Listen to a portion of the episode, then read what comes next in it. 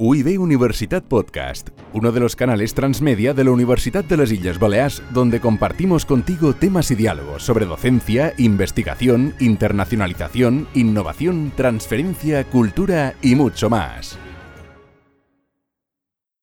I d'ara continuem amb la, amb la pròxima experiència que l'explicarà el professor Carlos Ribas del Departament de Física i que té per, um, per títol Implementació dels set principis de bones pràctiques a educació per a un curs d'estructures a través de Flipped Classroom i altres propostes. Bueno, muchas gracias a todos. Eh, muchas gracias. Eh, esta pequeña presentación es en colaboración con los profesores Santa Marta y Cladera. Y bueno, intentamos tratar eh, este tema, pero antes querría contextualizarlo. Eh, en general, lo que está sucediendo en nuestros estudios o en los estudios de ingeniería estructural es que el número de créditos se está reduciendo en prácticamente todos los estudios. Además, no solo el número de créditos se está reduciendo, sino que el número de horas que tiene el profesor con el alumno se está reduciendo con respecto al número de horas totales que dedica el alumno a la asignatura. Luego eso complica un poco más la situación. Y además, eh, los alumnos cada vez tienen diferentes, mm, bueno, o más posibilidad de acceder a la información bajo diferentes canales. Eh, todo eso nos llevó a explorar eh, pues, diferentes vías de cómo intentar aprovechar más el tiempo en clase, que esto es lo que ha ido apareciendo en sucesivas ponencias o presentaciones que hemos visto aquí. ¿Y, cómo empezó? Pues, pues empezó un poco como, como un chiste. ¿Saben qué que diu? Que están un, un ingeniero, un físico y un arquitecto en un bar y están hablando de sus clases, ¿no? Pues, pues así empezó. Y entonces eh, cada uno por separado iba diciendo, bueno, pues yo eh, me gustaría meter el tema de los vídeos para eh, poder introducir en clase este aspecto o mejorar la calidad en este aspecto otro.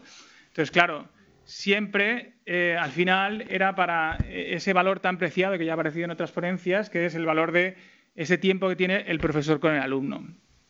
Y esos tres, esas tres formas de hacer diferentes, así muy verticales y muy transversales a la vez, pues eh, cristalizaron rápidamente en lo que hicimos que fue un canal de YouTube, porque está muy de moda, y hicimos un canal que se llama Ingenia, Canal de Ingeniería Estructural, y este canal solo tiene un año de vida, pero ya tiene 225 vídeos colgados, eh, del orden de más de 1.500 suscriptores, entre 1.000 y 3.000 visitas semanales de entre 5 y 8 minutos de visualización cada una.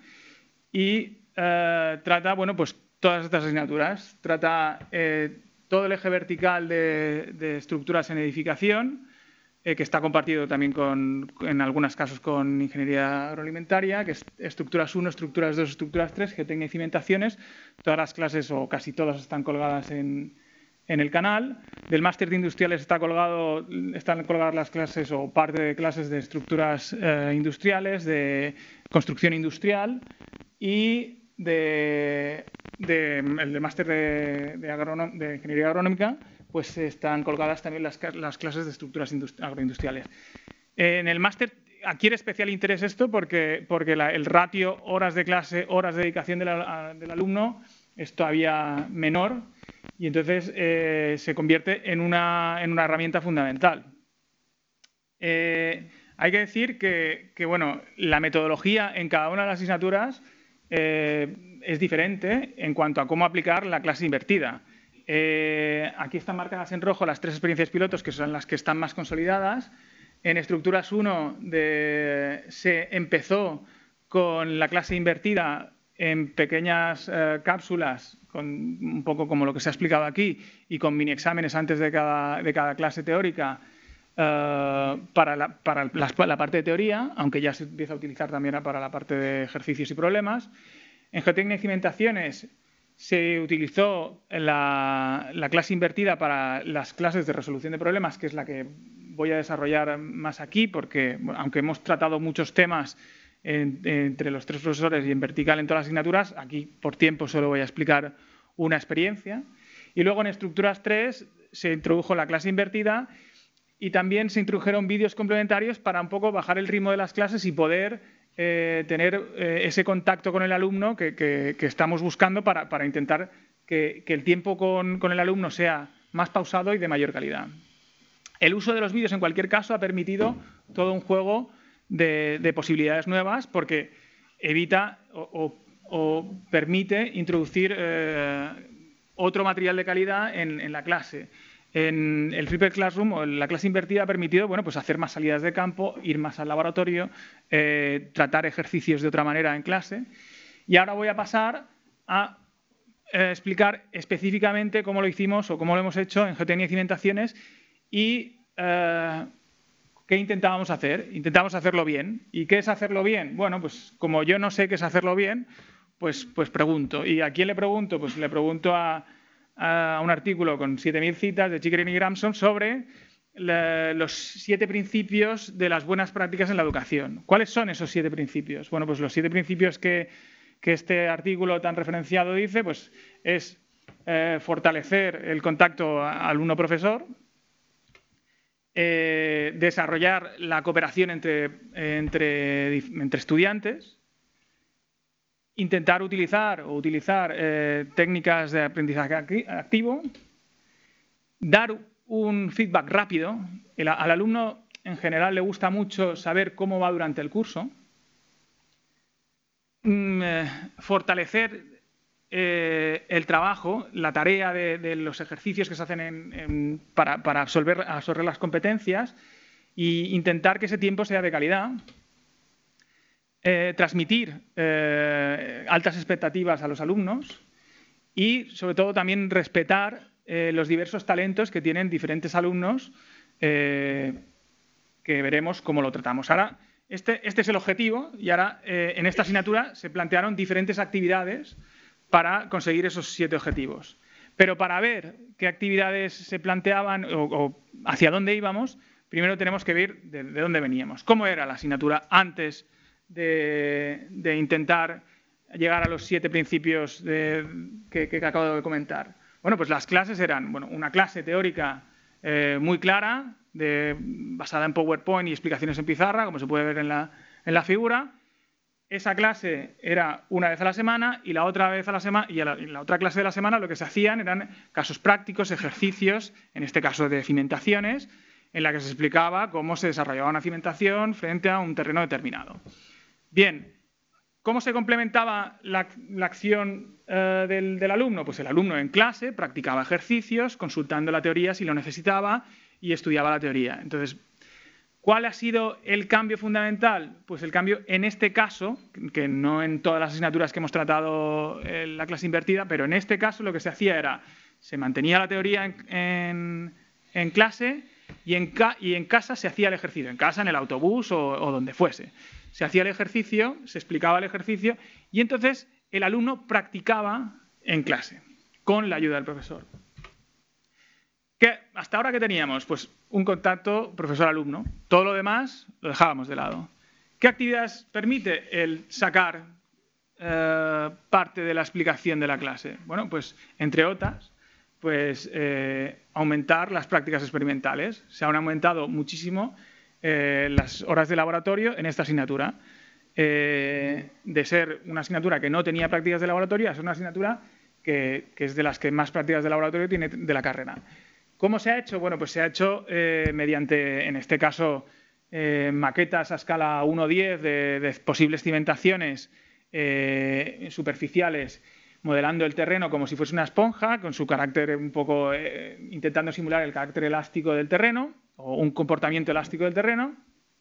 Y pues eh, estas maquetas permiten pues, tener zapatas centradas, con el pilar bien centradito, zapatas descentradas, con el pilar a un lateral, y zapatas descentradas en dos sentidos, que serían las zapatas que pondríamos en, llamamos las zapatas de esquina, que, son las zapatas cuando tienes que poner una cimentación, pero, pero tienes el límite del vecino y el límite de la calle, y tu pilar va en la esquina, y no puedes poner la zapata en esa zona.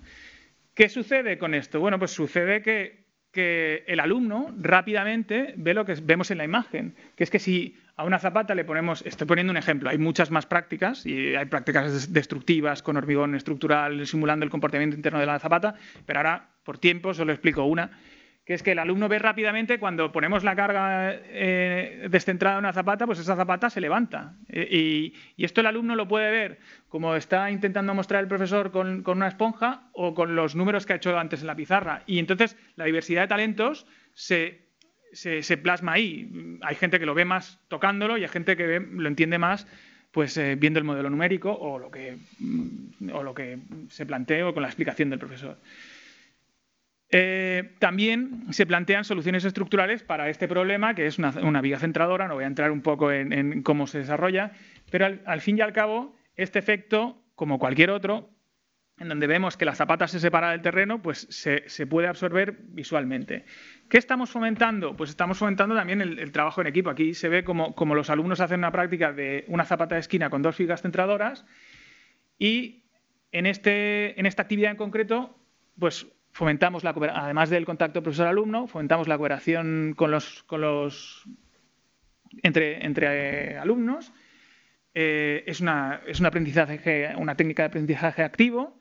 Se, le da mucho más tiempo al trabajo, a la tarea de trabajo y se respeta la diversidad de talentos. Otra actividad y, la, digamos el, el leitmotiv de, esta sesión es la clase invertida. Pero en este caso nosotros lo que hicimos es la clase invertida apoyada a la corrección entre iguales. ¿Por qué? ¿Qué es lo que hemos hecho? ya lo he explicado un poquito antes, es coger las clases de problemas y el, alumno ve uno o dos o varios problemas antes de venir a clase. Bueno, primero, el primer día de la semana recibe la clase teórica, en función de esa clase teórica recibe eh, o tiene que visualizar y entender unos ejercicios que yo no sé si os pasa a vosotros, pero a mí lo que me pasaba es que en, la clase de ejercicios, que no tanto en la teórica, tienes que ir siempre al ritmo del, alumno, no digo eh, el, alumno que, te hace más preguntas, es el que marca el ritmo de la clase y, que necesita más repeticiones. Esto en el vídeo desaparece, porque el alumno que necesita más repeticiones se lo pone varias veces o se va al sitio que, quería eh, en el ejercicio correspondiente. Entonces, una vez el alumno ha recibido la teoría y ha visualizado el ejercicio y se ha apuntado sus dudas, viene a clase. Cuando viene a clase, lo primero que hace es preguntar las dudas. Oye, en esto no he entendido este apartado, no he entendido esto como lo hacías, etc. A veces ya hay muchas dudas que se las pregunta al de al lado antes de empezar la clase y ese, y ese tiempo de dudas se reduce mucho. En cualquier caso, se, dan las se, se resuelven las dudas y se plantea un examen o un ejercicio tipo examen de ingeniería, en donde el alumno tiene que plantearse pues, un, problema, eh, pues obviamente y cimentaciones, porque así es la asignatura. Y, entonces el alumno lo que hace es dedicarle un tiempo de calidad, porque tiene el profesor al lado, para preguntarle según qué dudas, oye, esto no lo entiendo, ¿esto a qué te refieres? Entonces pasamos a un examen no tan sumativo, aunque sí que eh, en esta asignatura este tipo de exámenes que se hacen todas las semanas durante el curso suman un 5% de la nota adicional, es decir, que el alumno puede venir o, no puede, o puede no venir, pero en cualquier caso, el índice de asistencia a este tipo de exámenes es muy, muy alto. Partíamos ya de un índice de asistencia cuando se hacía el método tradicional también muy alto, pero sobre todo el alumno puede resolver las dudas y puede ir practicando durante el curso y resolverlas en, en clase. Anteriormente lo que sucedía es que el alumno hacía los ejercicios o no en casa y normalmente los hacía el día antes o la semana antes del examen y pedía muchas tutorías el día antes del examen. Ahora lo que se está intentando es modificar ese hábito de estudio del alumno y hacer el trabajo en clase. ¿Qué sucede? Que al profesor se le multiplican por, no quiero decir el número, de, eh, evaluaciones que tiene que, corregir. ¿Cuál es la solución? Corrección por pares una vez se acaba el examen, se le da a otro compañero, a ese otro compañero se le da la solución y se explica el ejercicio. Cuando se explica el ejercicio, se explica el método de corrección y entonces el alumno más o menos rápidamente corrige y tiene una nota. Incluso a veces ese, ese, examen se le devuelve al alumno original y se le dice, mira dónde te has equivocado y promete que nunca te vas a volver a equivocar ahí. Nunca más te vas a volver a equivocar ahí. Entonces, eh, es un examen muy formativo. A pesar de que suma un poco la nota, es fundamentalmente formativo. Pierde un poco de precisión porque no lo corrige el profesor directamente, pero eh, gana mucho en, el feedback rápido. ¿De acuerdo? Además, a veces esos exámenes se hacen de dos en dos eh, y se intenta jugar, conjugar un alumno que ha venido de, de enseñanzas de bachillerato con un alumno que ha venido de FP. Entonces, eh, también se aúna entonces la, diversidad de talentos, uno explica al otro de lo que más sabe y el otro al uno de lo que más sabe el, otro. Entonces, con este tipo de actividad, aparte de, fomentar un hábito de estudio constante, pues eh, se, tratan seis de los siete principios que hemos comentado. Sobre todo el tiempo a la tarea y, la tarea de carrera y el feedback rápido. Por otra parte, eh, si, notaréis que las tres actividades eh, que se proponen son gracias a que se ha, metido, se, ha, introducido la clase invertida que nos facilita o nos da un poquito más de tiempo en clase. Entonces, con todo esto, además, se, plantea una actividad que, es la de, la, de visitas de campo, visitas a, mm, prospecciones al terreno, ver eh, cimentaciones in situ, ya sean superficiales o profundas. Entonces se intentan hacer dos o tres visitas de campo al año. Eh, esto es lo que un poco trastoca todo el cronograma que está muy estudiado, porque claro, las visitas de campo, eh, la empresa de, prospecciones hace prospecciones todos los días, pero una cimentación en una obra, pues no la puedes conseguir eh, siempre que quieres. Tienes que tener un amigo que esté haciendo una obra, que esté en fase de cimentación, y, pues, y si es cimentación superficial mejor, y si es cimentación profunda también. Entonces quieres ver las dos y no siempre puedes, pero por lo menos dos de tres se suelen hacer. Y con ello, en, estas, fundamentalmente, aparte de, otros aspectos, uno que no se ha tratado es darle altas expectativas al alumno. El alumno va a acabar haciendo ese trabajo, va a acabar yendo a obra, va a acabar viendo prospecciones. Entonces, no solo les das las altas expectativas de la propia clase, oye, vas a aprender a hacer esto, esto, otro, esto, otro, sino que te va a servir para tu futuro laboral en este sentido y en este otro. Entonces, este aspecto que queda un poco siempre dejado de la mano o que no sabes cómo, transmitir altas expectativas, porque transmitir altas expectativas, bueno, uno dice, bueno, lo vais a hacer muy bien, no os preocupéis, ya sí, pero lo vais a hacer muy bien ¿para qué? Pues para esto. Y bueno, y con estas tres acciones, pues eh, como podéis ver, pues se, intentan a, eh, eh, se, intentan acometer cada uno de los siete principios. Los resultados en encuestas dicen que esta metodología ha gustado y que el tema de los vídeos gusta, mm, por encima del 90%. Eh, también dicen que les gustaría verlo en otras asignaturas. Tampoco conviene pasarse. En esta asignatura, eh, este año hemos probado hacer el Flipper Classroom también en, la teoría. Eh, la teoría tiene que ser pastillas muy cortas y tienes que... el profesor Santa Marta le, funciona muy bien y, lo hace muy bien en estructuras 1. A mí, en geotecnia y cimentaciones, todavía tengo que tratarlo un poco más pero sobre todo también este método ha permitido la monitorización del estudiante durante todo el curso y cambiar los hábitos de estudio. Y no solo ha mejorado eh, el índice de satisfacción de la asignatura eh, por encima del punto, o sea, de un 7 con algo a un 8,5, sino que además también ha mejorado los, índices de éxito de la asignatura sobre los presentados, de dos tercios a tres cuartos. Eh, parece que, es poca cosa, pero sin modificar el nivel de los exámenes y siguiendo con la misma eh, dificultad de exámenes. Subir de dos tercios a tres cuartos, yo no sé en, sus casos, pero en el mío eh, estoy altamente orgulloso de poder decir eso. Y bueno, eh, la, experiencia en este caso se ha hecho en muchas, muchas asignaturas, solo he presentado una. Sin embargo, tiene solo dos años de edad. Este es el segundo curso en el que se, se plantea clase invertida y, bueno, por ahora eh, los resultados son positivos, pero, pero se tiene que tomar con, con, calma porque solo son dos años de muestra. Bueno, muchísimas gracias por la atención.